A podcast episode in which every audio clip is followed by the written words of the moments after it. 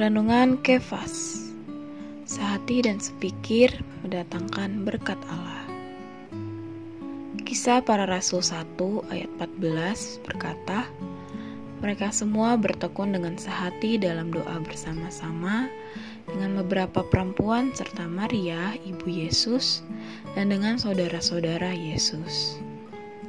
Arti sehati sepikir dapat kita lihat di Matius 18 ayat 19 Tuhan membicarakan mengenai dua atau tiga orang yang sepakat pada sesuatu di dalam doa.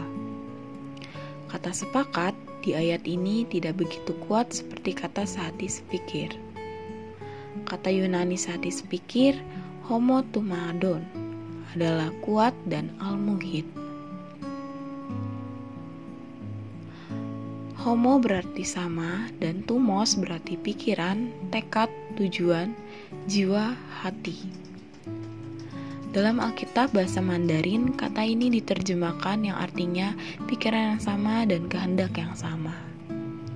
Dalam Roma pasal 15 ayat 6, Alkitab versi King James menerjemahkan kata ini menjadi satu pikiran. Dalam kitab kisah para rasul 120 orang berdoa bersama-sama dalam pikiran, dalam pikiran yang sama, dalam kehendak yang sama bersama tujuan yang sama di sekitar dan di dalam jiwa dan hati. Ini artinya seluruh diri kita dilibatkan. Dalam kisah para rasul ada tiga faktor utama untuk perluasan Injil sebagai satu pengaruh adalah doa, roh itu, dan firman. Menurut Alkitab dan menurut sejarah, tiga butir ini adalah jalan satu-satunya untuk kemenangan Injil.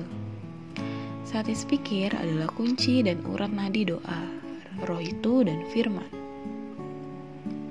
Sobat Kefas, kalian mungkin banyak doa untuk baptisan roh itu dan dari firman Tuhan mendapat banyak pengetahuan.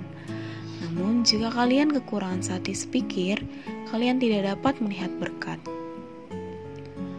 Terang, yang pertama, Tiga faktor utama untuk perluasan Injil sebagai satu pengaruh adalah doa, roh itu, dan firman.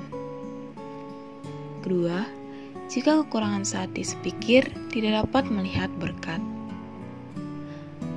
Doa, berdoa agar Tuhan setiap kaum saleh dapat sati dan sepikir, sati sepikir bagi perluasan Injil.